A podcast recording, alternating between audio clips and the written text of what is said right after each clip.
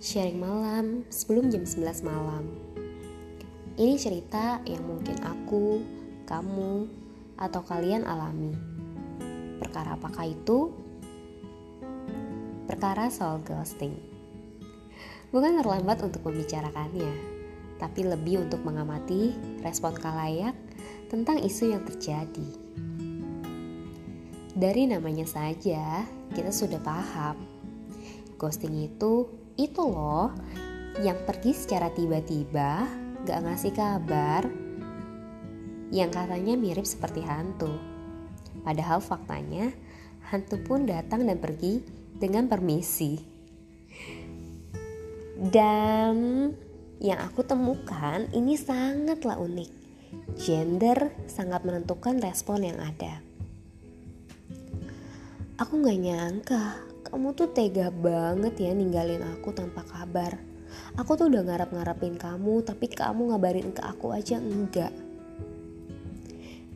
Emang aku tuh kurang apa sih sampai harus di kayak giniin?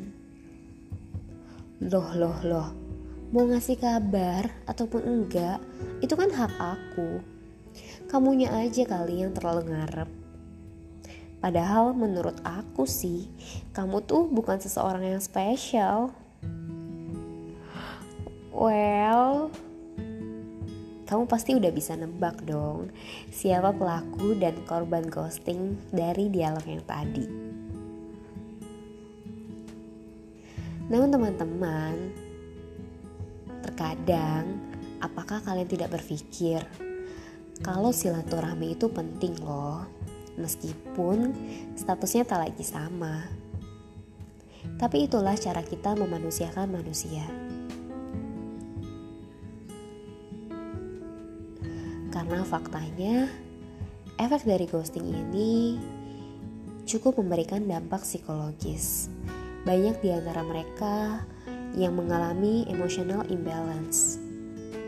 Banyak di antara mereka yang merasa dirinya tidak diinginkan, dirinya tidak dihargai, bahkan